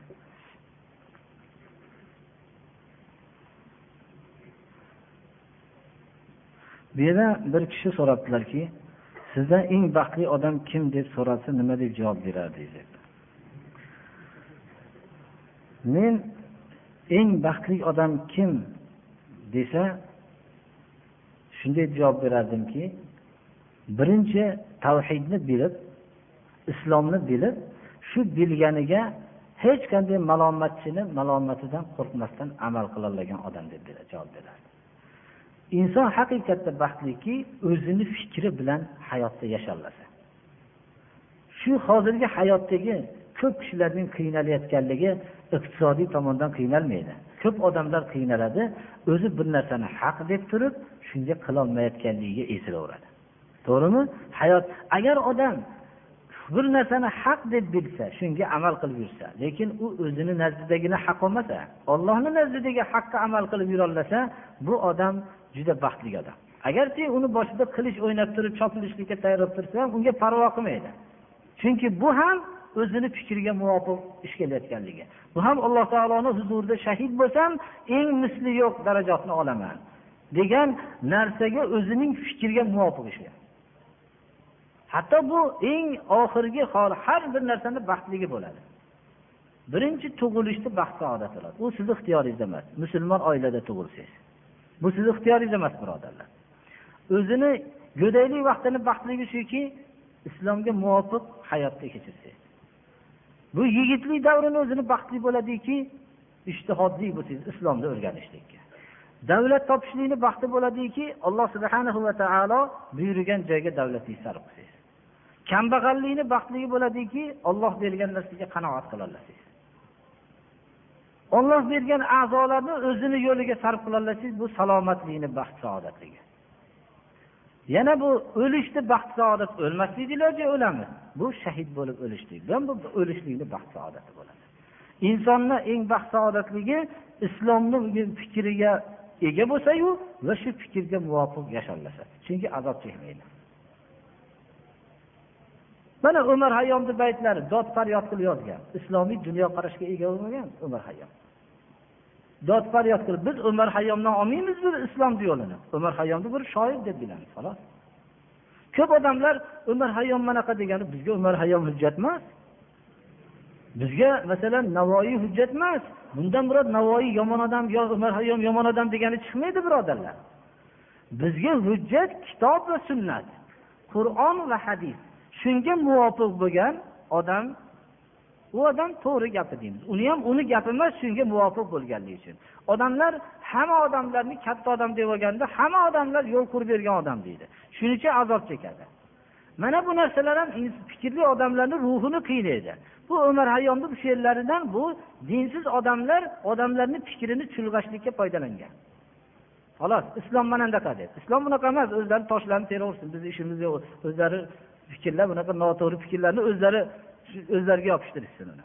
Islom bizga qur'on va hadis sahih hadislar. Mana bu yerda kelgan yo'l bizga haq mana bu yo'lni biz ma'sum yo'l deymiz. Saqlangan xatodan saqlangan yo'l deymiz. Chunki rasululloh sollallohu alayhi vasallam havodan gapirmaganlar. Baxtli odam mana go'daylik tug'ilish va davlatmandlik kambag'allik xullas umumiy baxtlilik shuki qanday bo'lsa ham boy bo'lsa ham musulmon bo'lsa kambag'al bo'lsa ham musulmon bo'lsa er kishi bo'lsa ham musulmon bo'lsa ayol kishi bo'lsa muslima bo'lsa bola bo'lsa musulmon bo'lsa qari bo'lsa ham musulmon bo'lsa islomga muvofiq hayot kechira olasa o'zining hayot bosqichida islomga muvofiq yasholgan odam baxtli odamdir. Va u odam qarigan vaqtda attan qilmaydi yana hayoti takrorlansa xuddi shunaqa hayot kechiradi. Sahobalar haqiqiy baxtli insonlar bo'lgan. Ular rasululloh sollallohu alayhi vasallamning suhbatlarida bo'lishganlar. Nimaga buyurishsalar? Shuni qabul qilganlar. Lekin jamiyatning baxtligi kim? Jamiyatni bitta rahbari bo'lsa u havoyi nafsiga chaqirmasa faqat ollohni yo'liga chaqirsa u odamlar o'ylashdan xotirjam bo'lsada bu odam haq yo'lga chaqiradi degan xotirjamlik bo'lsada buyurgan narsasini qilaversa o'lsa shahid bo'lib ketadigan yo'l bo'lsa yashasa nihoyatda ajr bilan yashasa molini bersa jannatni sotib olsa kambag'al o'lib sabr qilsa e, unga haqqiga men molim yo'q duo qilib yordam beray desa mana bu jamiyat ham baxtlidir birodarlar. Rasululloh sollallohu alayhi vasallamning atrofida jamlangan kishilar haqiqiy baxtli bo'lganlarda ular hech bir narsani o'ylashdan xotirjam bo'lishganlar. Chunki rasululloh sollallohu alayhi vasallam tanishganlar u kishi hech havolarga buyurmaydigan kishi bo'lganligini bilishganlarda nimaga buyurishsalar o'ylashmay qilishaverganlar chunki bu yo'l albatta jannatga olib boradi deb bilishganlar. Mana bu haqiqatda baxtli jamiyatdir. Ular o'ylashmaganlar o'lib ketganlarini ham baxtli deyishganlar yashaganlarni ham baxtli deyishganlar. Ular moli davlatlarini tutgan vaqtlarida islom yo'liga baxtlimiz deb e'tiqod qilishganlar. Ammo ana shunday keyingi xulafolar davrida ham odamlar baxtli bo'lgan birodarlar. Baxtli jamiyat haqiqiy haq yo'lga islom yo'liga chaqiradigan peshvosi bo'lgan jamiyat ayollarning ham baxtliligi shuki u turmush o'rtog'i islomga muvofiq kishi bo'lsa u doim to'g'ri yo'lga chaqirsa noto'g'ri narsasini noto'g'ri narsasini ogohlantiradigan o'zini turmush o'rtog'i bo'lsa. Mana bu odam bu ayol kishi baxtlidir. Xatosi bo'lsa shu. Saharda uni masalan tahajjudga o'yg'otadigan o'zini turmush o'rtog'i bo'lsa. Mana bu odam bu ayol baxtlidir. Er kishilarning baxtliligi ayolga nisbatan qanday baxtli? Ya'ni ko'chaga chiqib ketayotgan vaqtda islomga xatosi bo'lsa ogohlantirsa ayoli. Ko'chaga chiqib ketayotganda xususan hozirgi bizni iqtisodiy hozirgi tufon davrida deydigan ayoli bo'lsa. Ollohdan qo'rqing bizni haqqimizda bizni xonadonga faqat haloli toyibni ko'tarib keling. Biz darvozani ichiga kirgan narsani yeyveramiz javobni siz berasiz. Ammo biz sizdan buni olib keling uni olib keling demaymiz. Haloli toyibni ko'tarib keling deydigan oilasi bo'lsa bu er kishi ham bu ayoliga nisbatan shunday ayoli borligi bilan baxtlidir. Baxtli kishilarning hamma sohada o'zini bir turi bordir. Otalarning baxtlisi ollohni buyrug'ini qiladigan ollohni qaytargan narsasidan qaytadigan farzandi bo'lsa va ota adashgan vaqtida bu dadajon bu ish xato bu islomga zid bu ishimiz desa uni ogohlantiradigan farzandi bo'lsa bu ota ham shunday farzandi borligi bilan baxtlidir. Farzandning masalan bu bu masalan farzand baxtlidir masalan.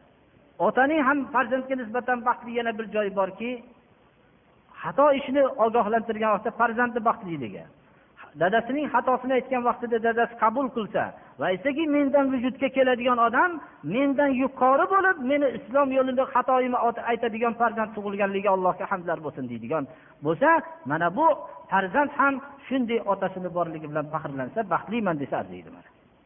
Chunki u o'rtada jang bo'lmaydi. Maqsadlari hammasi oilada islom bo'lsa qaysi narsa islomga buyursa shuni so'zi haq deb qabul qilinadigan bo'lsa. Bu yerda go'daklar ham hammasi huquqi baland bir bo'lsayu islom yo'liga yo'llasa bu oila baxtli go'yoki zohirda o'zi yerda yashayotgan bilan o'zi haqiqatda dunyoning jannatida yashayotgandir. Shundagina mana bu oilaga nisbatan baxtlilik. Hamma narsani bir baxtligi bor. Yori birodarlarga nisbatan baxtli bo'lishlik. Yori birodarlaringizdan nohaq bo'lsangiz o'zingizni to'g'ri yo'lga chaqiradigan sizni orqadan g'iybat qilmaydigan sizni tuhmat qilmaydigan bo'lsa shu. Ustozlarni ham baxtligi shuki farzand yaxshi solih shogirdlari bo'lsa ularni to'g'ri yo'lga chaqirsa qabul qiladigan bo'lsa bu ustoz ham baxtlidir.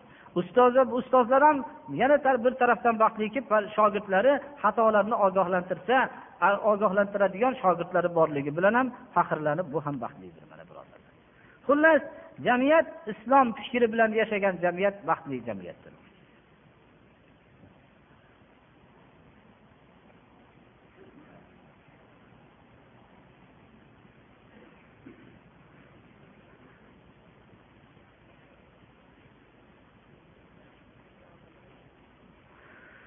Dedi birodarlar dushanba kunlik darsni bir ko'chirish haqida bir maktub yo'llabdi bir o'qib qo'ymasak bo'lmaydi. Ba'zi dushanba kunida ro'za tutgan kishilarga bir harajan bo'lib qolyapti deydi. Haqiqatda shu narsa to'g'ri e, gapirishadilar. Iftorlik qilishlikka ro'za dushanba va payshanba kunlari nafl ro'za tutishga odatlangan e, kishilar haqiqatda shunda men shu ozgina bir muddat o'tkazib dars o'tkazmoqchi edik. Ba'zi korxonalarda ishlayotgan odamlarga ham shanba kuni bo'lsa deb talab qilibdilar lekin bitta torasidan biz chekinamiz ikkinchi tarafiga chekinmaymiz ama. Birinchi chekinadigan tarafimiz inshaalloh yana safarga shom odon aytilinishligi bilan og'iz ochilinsa mana shu yerda o'tirib o'zi og'iz ochib olinsa iftor qilib oluvchi kishilar shunda ozgina bir fursat turamiz. Ba'zi narsalar bo'lsa yengil bir taom yeb olinsa kifoya qiladi. Xuftondan keyin o'zi bemalol o'tirib taomlanishligiga imkoniyat bo'ladi. O'zi asli ro'za tutishlikdan ham maqsad shu birodarlar. U haligi monti somsalarni biz yeb shom o'qishlarimiz to'g'ri kelmaydi birodarlar. O'zi bu og'zimizni ochib masjidda namozni o'qiymizda o'zi shundan keyin xotirjam bo'lib mana shom xufton namozidan keyin xuftongacha e, yashaydigan bo'lib endi iftor qilib olinadi shunaqa. Shanba kuni qilmasligimiz sababi shuki dushanbani tanlashligimiz biz ko'proq bu dushanba payshanba kunlari bizga nisbatan musulmonlarga nisbatan ulug' kun bo'ladi.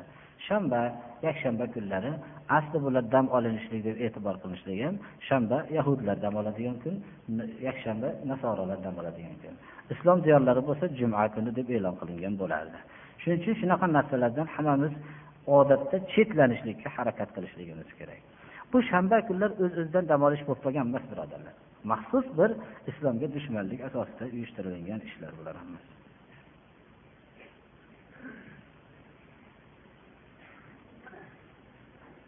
bu yerda bir kishi tuyani suti va peshobi qorin shishiga davo deganini degan degan so'z bor deyapti. Qorin shishi birodarlar men tabib emasmanu tabobat kitoblarida o'qigan narsamni aytaman. Qorin shishi ikki xil bo'ladi. Istisqo deb arab tilida istisqo deyiladi chanqov bo'ladi.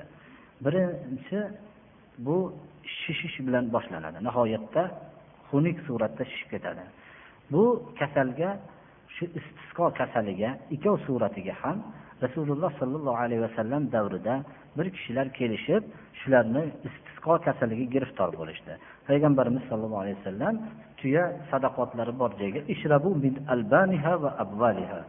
Ichinglar tuyaning suti va bavillaridan dedilar. Aralashtirib ichinglar dedilar. Imom shofiy rahmatullohi alayh shu hadisni hujjat qilib tuyaning bavli pokiza deydilar suti bilan aralashtirib ichishlikka ruxsat berganlar deb shuning uchun imom azam rahmatulloh alayhi yo'q davo uchun bo'lsa faqat bavllar ichida tuyani bavli bilan suti dori bo'ladi deganlar. Boshqa ba'zi odamlardan savollar ham bo'lib qolyapti. Odamni bavli bu najas birodarlar o'lib ketgan afzal bunda hech qachon bu pokiza bo'lmaydi shunaqa gaplarni ba'zi bir johil tabiblar shunaqa bir hech odamlarni islomdan bexabar bo'lgan bir majnun tabiblar shunday gaplarni aytishyapti ekan. Buni sababi shu shu hadisni hujjat qilishadilar. Lekin tabiblar buni tekshirib rasululloh sollallohu alayhi vasallamning shu so'zlariga bir hayron qolishadiki haqiqatda ham tuyaning suti bilan bavli aralashtirilganda istisqo kasalligi davo bo'lgan. Albatta u kishi vahiy bilan gapirganlari uchun shu davo bo'lgan. Endi bu savollarga bo'lmas savol berilmasa bo'lardi o'lim bo'lgan uyga kapalak keladi deb tug'ilgan uyga ham kelaveradida birodar. Bu uyda o'lim bo'lgan uyga kapalak kiradi deb faqat odam g'amgin bo'lib hamma xomush bo'lib turganda kapalakni kirganini biladi. U tug'ilgan uyda quvnoq xursandchilik bo'lib turganda kapalakni tovushiga o'rin qolmaydi. Shuning uchun faqat odam vafot qilgan uyga kirgan kapalak esiga keladi xolos odamlar.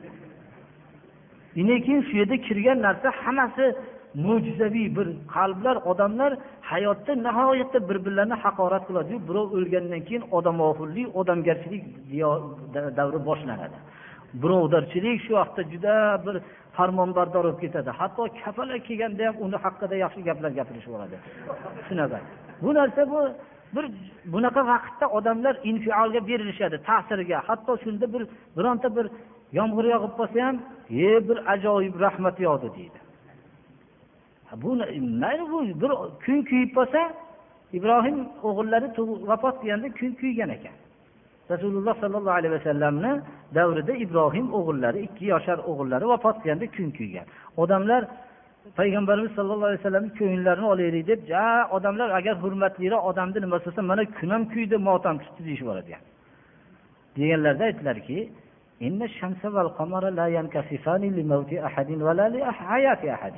bu oftob bilan oy bu birovni o'lganiga tug'ilganiga kuymaydi dedilar. Ollohni bu o'zini oyatlaridan kuyish o'zini bir ollohni yuborgan qonuniyatiga bo'ysunadi. Bu kuymaslik ham ollohni yuborgan qonuniyatiga bo'ysunadi. Bu narsalarda sizlar birovni tug'ilishi o'limi sabab bo'ladi demanglar dedilar. Agar shu vaqtda birodarlar biror bir shu kunda biror bir ish bo'lib qoladigan bo'lsa odamlarni oldidan tushmaydi shu palonchini o'lganligiga shu ish bo'ldi deb gapiraveradi odamlar. Bu infiallar bular shuning uchun odamlar musulmon kishi o'lim vaqtida ham tug'ilgan vaqtda ham bir xil bo'laveradi. Musulmoni komilni har holatda o'zini tutib olgan islomiy dunyoqarash asosida yashagan ko'rasiz.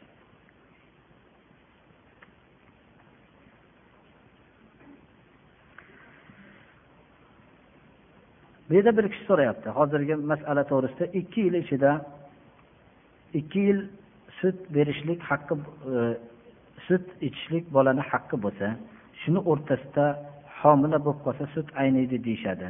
Shunda bir yil sut emgandan keyin homila bo'lib qolsa shunda nima qilish kerak sutdan chiqarish kerakmi degan savol qilyapti. Payg'ambarimiz sollallohu alayhi vasallam yigirma uch yil muddatda hayotdagi hamma masalaga javob aytdilar. Mana bu masalaga javob ham aytganlari shular jumlasidandir. Aytdilarki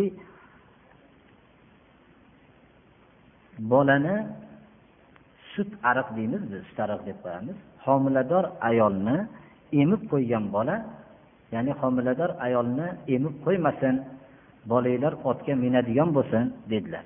Ya'ni sut ariq bo'lib qolgan bolalar homila ayolni emib qo'yganligi sababli shunda bola zaif bo'lib qoladi.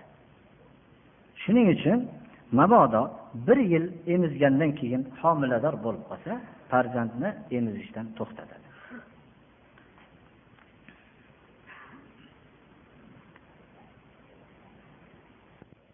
Assalomu alaykum va rahmatullohi va barakatuh. Bu imom navariyni riyozi solihin kitoblaridan riyozi solihin degani solih kishilarning bog'lari degani. Ya'ni har bir kishi o'zi qalbi tang bo'lganda bir bog'ga kirib yozilib chiqadi. Lekin dunyoni bog'lari xususan hozirgi davrda ma'siyat ko'p ollohga osiy bo'ladigan gunohlarni ko'rib mo'min odam qalbi tang oladi. Bu solih kishilarga bog'ki solih kishilar mana bu joyga bir imom navaviy bog' qilib qo'ygan ekanlar shu bog'dagi gullar rasululloh sollallohu alayhi vasallamning hadisi muboraklari tobiinlardan rivoyat qilingan narsalar va shu bog'larda biz ham har kuni bir kirib chiqsak nihoyatda agar solih bo'lsa qalbimizda salohiyat bo'lsa shu bilan bir yozilishlik vujudga keladi. Ibn shimosa ibn shumosa rivoyat qiladilarki amr ibn al as roziyallohu anhuni jon taslim qilayotgan vaqtlarda kirib ko'rgani bordik deydilar. Amr ibn al as bu kishi misrni fath qilgan kishi. Misr viloyatining islom keltirishligiga sabab bo'lgan islomga ko'p xizmat qilgan kishilardan. Ammo avvalgi hayotida islomga bu kishi qarshi bo'lib yashaganlar. Ammo keyingi davrda islomni qabul qilib islomda ko'p xizmatlar qilib islomning rasululloh sollallohu alayhi vasallamni yonlarida turib rivojlanishligiga sabab bo'lgan kishilardan va eng katta ne'matlardan bittasi misr viloyatining fath bo'lib misr xalqining musulmon bo'lishligiga ko'p katta xizmat qilgan kishilardan hisoblanadi. Mana bu kishini oldiga ko'rgani kirganimizda jon taslim qilayotgan soatlarida kirib bordik deydilar ko'p yig'ladilar deydilar hammamiz ham bir kuni jon taslim qilamiz. Shu jon taslim qilishlikni bilib yo taslim qilamiz yo to'satdan bo'ladi. Bu mana shu soat hammamizga keladi. Men hozir shu ochib kitobni ochsam shu yer chiqib qoldi. Hammamizga ham shu o'ylanadigan bir soat keladi shunda. Yuzlarini devor tarafga burib oldilar ko'p yig'lab o'g'illari abdulloh ibn amr ibn al as ulug' sahobalardan edilar. Bu kishi dadalariga ayta boshladilar ya abata men mazmunini aytib berganim ma'qulroq vaqt qisqaligidan ey dadajon dedilar. Rasululloh sollallohu alayhi vasallam sizga bunday bashoratlar bermadimi? Bunday bashoratlar bermadimi? Muncha ko'p yig'laysiz degan mazmunni va ya'ni yupatmoqchi bo'ldilar. Shunda yuzlarini o'g'illariga burdilarda aytdilarki biz oxiratga tayyorgarlik ko'rgan narsalarimizning eng afzali la ilaha illalloh muhammadur rasululloh kalimasi o'g'lim dedilar. Bundan biz katta narsa tayyorgarlik ko'rolmadik dedilar. Shuncha hayotlarda islomga xizmat qilgan odam. Mening hayotim uch qismdan tashkil topadi o'g'lim dedilar. Shunday davrlarni o'zim ko'rdimki shunday davrlarim bo'ldiki menga rasululloh sollallohu alayhi vasallamdan ko'ra yomonroq odam yo'q edi. Shunaqa hayotimni shunday qismi ham bo'ldi deydi va men menga eng yaxshi suyumli ko'rilgan narsa shu ediki bir imkoniyat qilsam shu rasululloh sollallohu alayhi vasallamni qatl qilib o'ldirsam deb yurardim. Shunaqa hayotimni davri ham bo'ldi deydilar birodarlar insonning shunday hayoti ham bo'ladiki hammamizda ham ollohning haqiqiy do'stini eng yomon ko'rib yashaymizda va shuni bir ko'rsam bir adabini bersam hech bo'lmasa deb hayotni ham o'tkazib qo'yiladi. Dahriylik davrini bosib o'tgan odamlar yo'q emas birodarlarimiz ichimizda mana bu kishi ham hayotimning bir qismi shunday bo'lib o'tdi deydilar agar shu holatda o'lib ketganimda jahannamga jahannam ahlidan bo'lishligimda shak shubha yo'q edi ya'ni men shunda tamom bo'luvdim agar shu holatimda ketganimda. Chunki ollohni rasulidek ulug' zotni yomon ko'rib yashadim.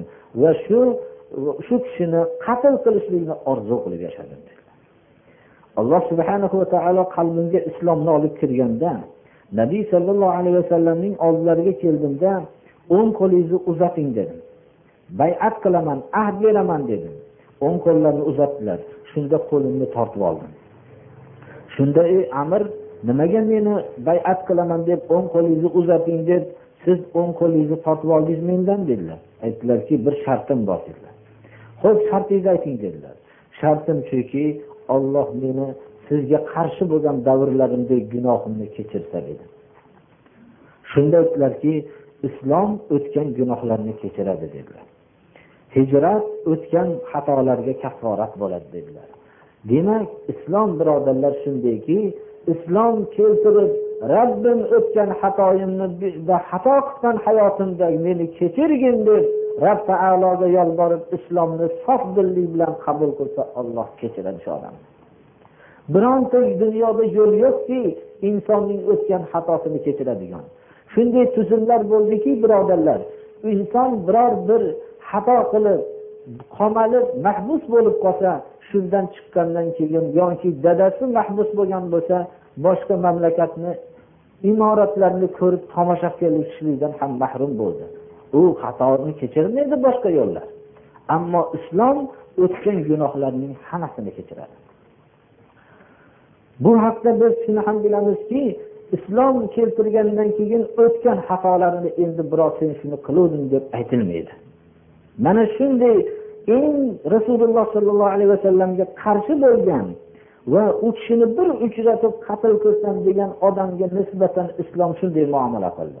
Ya'ni o'tgan xatolaringizni qolmaydi islom keltirgandan keyin deb oddiy inson emas rasululloh sollallohu alayhi vasallam aytdilar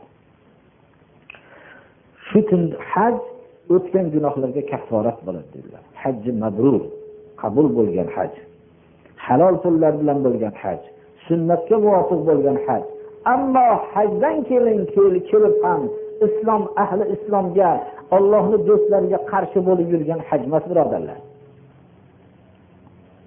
Shu soatdan boshlab menga eng suyimli odam eng hurmatli odam rasululloh sollallohu alayhi vasallam bo'lib qoldilar. Shu kundan shunchalik ko'zimda hurmatli ediki hayotimda ko'zimni bir tikilib u kishiga qaramagan edim. Agar bir kishi rasululloh sollallohu alayhi vasallamni shu bir sifatlab bering desa men sifatlashlikka ham qodir emas edim. Shu darajada hurmat bilan yuzlariga tik qarolmagan edim. Agar shu holatda shu soatda islomni qabul qilib shu shunaqa hurmatda o'lib ketganimda ahli jannatdan bo'lardim pokizaligimda ketib yuborardim dedilar. Keyin hayotimning uchinchi qismi men voliy qilindim. Katta shaharlarga voliy bo'ldim. Mana misrga ham bu kishi aytib o'tganimizdek voliy bo'ldilar. Bu voliylikda nima ishlar qildim olloh o'zi biladi dedilar. Men juda ham shu holatlarimdan qo'rqaman dedilar.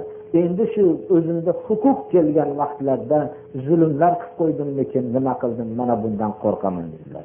Shuning uchun oxiratga ketayotgan amalimning eng yaxshisi olib ketayotgan amallarimning yaxshisi la ilaha illalloh muhammadu rasululloh dedilar. Vafot qilsam meni orqamdan biror ovozini chiqarib yig'lagan odamni ergashtirmanglar. Orqamdan bir o't yoqmanglar. Ilgarigi johiliyat davrida o't yoqar ekan. Hozirgi johiliyatda ham birov tanga chachadi birov pul chachadi tobut ustiga. Go'yoki shunaqa bir johilliklar qiladigan ishlar hozir ham ko'p. Ilgarigi johilliklarda dod faryod bilan hayotida hech hurmatini qilmasdan dod faryod qilib ergashadigan odamlar bo'lar ekan. Nor o'tdi lekin o't yoqib ekan. Dafn qilsanglar meni ustimga tuproqni ya'ni tuproqni ustiga bir suv sepib qo'yinglar dedilar. Qabrimni atrofida ozgina turinglar bir tuya so'ygan miqdorcha. Arablar tuya o'lat xalqi bo'lgani uchun hayvonni birpasda so'yib qo'yishadi birodarlar. Bir ozgina muddat turinglarda shu men rabbimga sizlar bilan uzishib olib turay menga savol javobga kirgan elchilarga qo'limdan kelganicha bir yaxshi javob qilishingizda dahshat bo'lmay tursin meni haqqimga bir istig'for aytib duo qilib turinglar ozgina ketmasdan degan ekanlar. Mana bu amr ibn as roziyallohu anhu shunchalik misrni fath qilgan kishining hayotlari. Buni men taqqos qilsak hammamizni hayotimiz ham shu ko'pchilikni hayoti shunday bo'ladi. Bir qismi islomni ko'p kishilar do'st tutmasdan balki ha musulmonlar deb musulmonlarga nafrat bilan qarab musulmonlarni olimlariga ham nafrat bilan qarab o'tkazadi. Yo islom bilan kurashadi yo masjidni buzib yashagan bo'ladi yoinki ahli islomlarni habs qilib yashagan bo'ladi. Mana bu narsa hayotining bir qismi bo'ladi. Islomni bir haqiqatini bilib qabul qiladi ba'zi kishilar. Alloh baxt saodatli qilgan qabul qilgan vaqtida islom o'tgan gunohlariga kafforat bo'ladi. Ammo islomdan keyin ba'zi ko'p bu tavbalar qilgandan keyin ko'p xatolarga ham yo'l qo'yib qo'yadi. Mana bu kishi orzu qilyaptilarki shu islomni qabul qilgan soatimda o'tib ketganimda ahli jannat bo'lib qolardim degan ekanlar. Mana shuning uchun birodarlar hammamiz ham o'lim to'shagida olloh nasib qilsa yotamiz bo'lmasam yotishga ham ulgurmaymiz. Mana bu soatda ko'z oldingizdan hayotingizda qilgan ishlaringiz keladi. Islomni besh vaqt namozni jamoat bilan o'qiganingiz islom qur'onlarni bilganingiz qur'on darslarini o'rganganingiz hadis darslarini o'rganganlaringizga hamd aytasiz. Ammo birovlarga zulm qilgan bo'lsangiz birovlarni haqqini nohaq yegan bo'lsangiz birovlarni yetimlarni molini yegan bo'lsangiz mana bunday zulmlar qilgan bo'lsangiz ko'z oldingizda o'tib menga nima zarur edi? Shu ozgina hayot ekan mana ketyapman ollohni huzuriga deb ko'p nadomatlar qilasiz. Yoshlar ko'p nadomat qiladi. Mast mast qiluvchi ichimliklarni ichganligiga qimorlar o'ynaganiga ko'p attanglar qiladi. Bu hayot shu ekanu men uchun nima uchun kerak edi bu narsalar deb attang qiladi. Shuning uchun har bir odam shu soatda olloh nasib qilsa yotadi ko'z oldidan ko'radi farzandlarimning hamma olib kelib bergan dunyosiga quvonibman. Afsus bularni hidoyati haqida o'ylamabman deb ko'p attanglar qiladi birodarlar. Voliy bo'lib rahbar bo'lib ishlagan kishilar qo'l ostidagilarga zulm qilgan bo'lsa men mana shu voliylik shu ahvolim shu ekan mana shu holatda ekanman ko'p zulmlar qilibman menga nima zarur edi bu zulmlar deb ko'p attanglar qiladi birodarlar. Bu soat albatta keladi bunda shak shubha yo'q. Bu soatda faqat inson hayotida qilgan islomiy ollohni buyrug'ini qilgan rasulini buyrug'ini qilgan ishlargagina quvonadi. Boshqa narsaga quvonmaydi. Haromdan topgan dunyolarga quvonmaydi. Bu vaqtda poralariga quvonmaydi. Mana shu soatda faqat halollik bilan yashaganligiga o'zi quvonadi xolos. Shuning uchun o'zining g'oyasi o'zining pok g'oyasi yo'lida yashab davom etib ketishlik har kimga nasib bo'lmaydi birodarlar. Pokiza bo'lib yashashlik alloh subhanahu va taoloning haqiqiy bandasi bo'lib yashashlik hammaga nasib bo'lmaydi birodarlar. Olloh baxtli qilgan kishilarga bu nasib bo'ladi. Inson ozgina dovdirashlik bilan ozgina zulm bilan o'zgarib qoladi. Shuning uchun mana shu kun hammamizga keladi. Shu vaqtda ko'p yuragimizdan yig'laymiz. Juda ham u yig'ini biz hayotda shuni tirikligimizda ko'p yig'lamoqligimiz kerak. Ana shu vaqtda ko'p afsus nadomatlar bo'ladi. Biz ham mana shu omonatni ollohni omonatini xalqlarga aytib olganimizga inshaalloh shu kunda olloh nasib qilib shunday yotish nasib bo'lsa allohga hamd aytamizki shu omonatni hech kimni rioya qilmasdan xalqlarni obro'siga aldanmasdan xalqlarning qarshiligiga aldanmasdan shu omonatni yetkazishlikni olloh nasib qilsin deb ollohdan faqat shu narsani so'raymizki shu omonatiki haqiqat omonatini odamlarning ustiga bu e, yetkazib qo'yishlik. Xohlasin odamlar haqiqatlarni qabul qilib jannatga dohil bo'lishsin. Xohlasin uni qabul qilmasdan jahannamga o'tin bo'lishsin. Mana bu narsa omonatdir olimlar ustida mahalla musifatlari ustida omonatdir yoshlarni namozga chaqirish haqiqatga chaqirish ollohni bandasi bo'lishlikka chaqirish mahalla peshvolarning omonatidir ertaga yoshlar aytadi biz bularni to'riga o'tkazardik hurmat qilardik. Bularni biror so'z aytsak bajarardik deyishadi. Ular shuning uchun shu omonatlarni har birimiz yetkazib qo'yishligimiz vazifamizdir. Bunga olloh juda katta ajr beradi birodarlar. Bu ajr ko'z ko'rmagan quloq eshitmagan inson hayoliga kelmagan katta bir dabdabalik qasrlar ollohning jannatidir bu. Bu jannatda biz berilgan noz ne'matlar misli yo'qdir. Bu jannatda beriladigan hatto shu payg'ambarimiz sollallohu alayhi vasallam bir joydan o'tib ketayotganlarida ipak libos ko'rildida shu libosni oling elchilar kelganda kiyasiz deganlarda sad ibn muozning jannatdagi qo'lini artib tashlaydigan sochiga ham bu libosdan yaxshi dedilar. Shuning uchun shunaqa jannatni mukofotini beradi. Shuning uchun dunyoda biz islom bizni hamma tayyibotlarni halol qildi bizga. Pokiza narsalarni pokiza liboslarni halol qildi. Bizni hayotdan mahrum qilishga ruhboniyat tarki dunyo qilishga buyurmadi. Shu dunyoda turib dunyoni qalbimizga joylamay qo'limizga joylashlikka buyurdi. Alloh subhanahu va taolo hammamizni ham